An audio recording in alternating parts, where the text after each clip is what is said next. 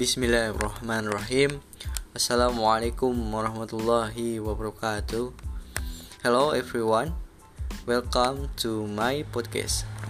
Today we will discuss about how a 13 years old change impossible to I am possible.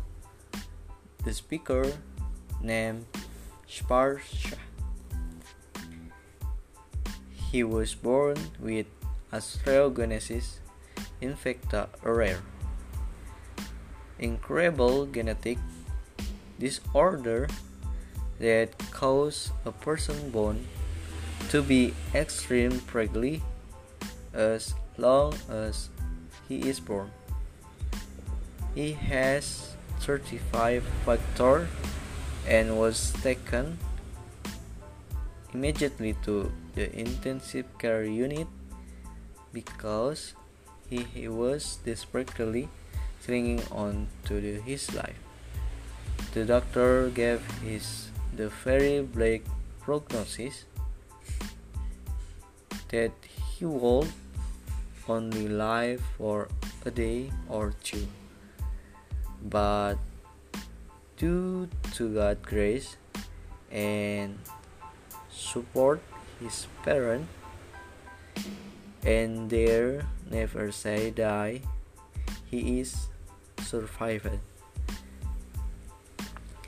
In fact he has 135 so far in just the first 13 years of his life and only god know how many more will happen?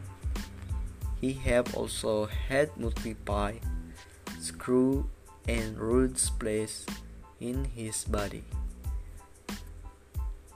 According to Sparsha, how he turned the word impossible into I am possible in his life by following four step simple step for the step 1 find your passion. Despite the fact that he did live a very long life for the first few years god opened a new door to it that will become his passion and change his life forever and that was music.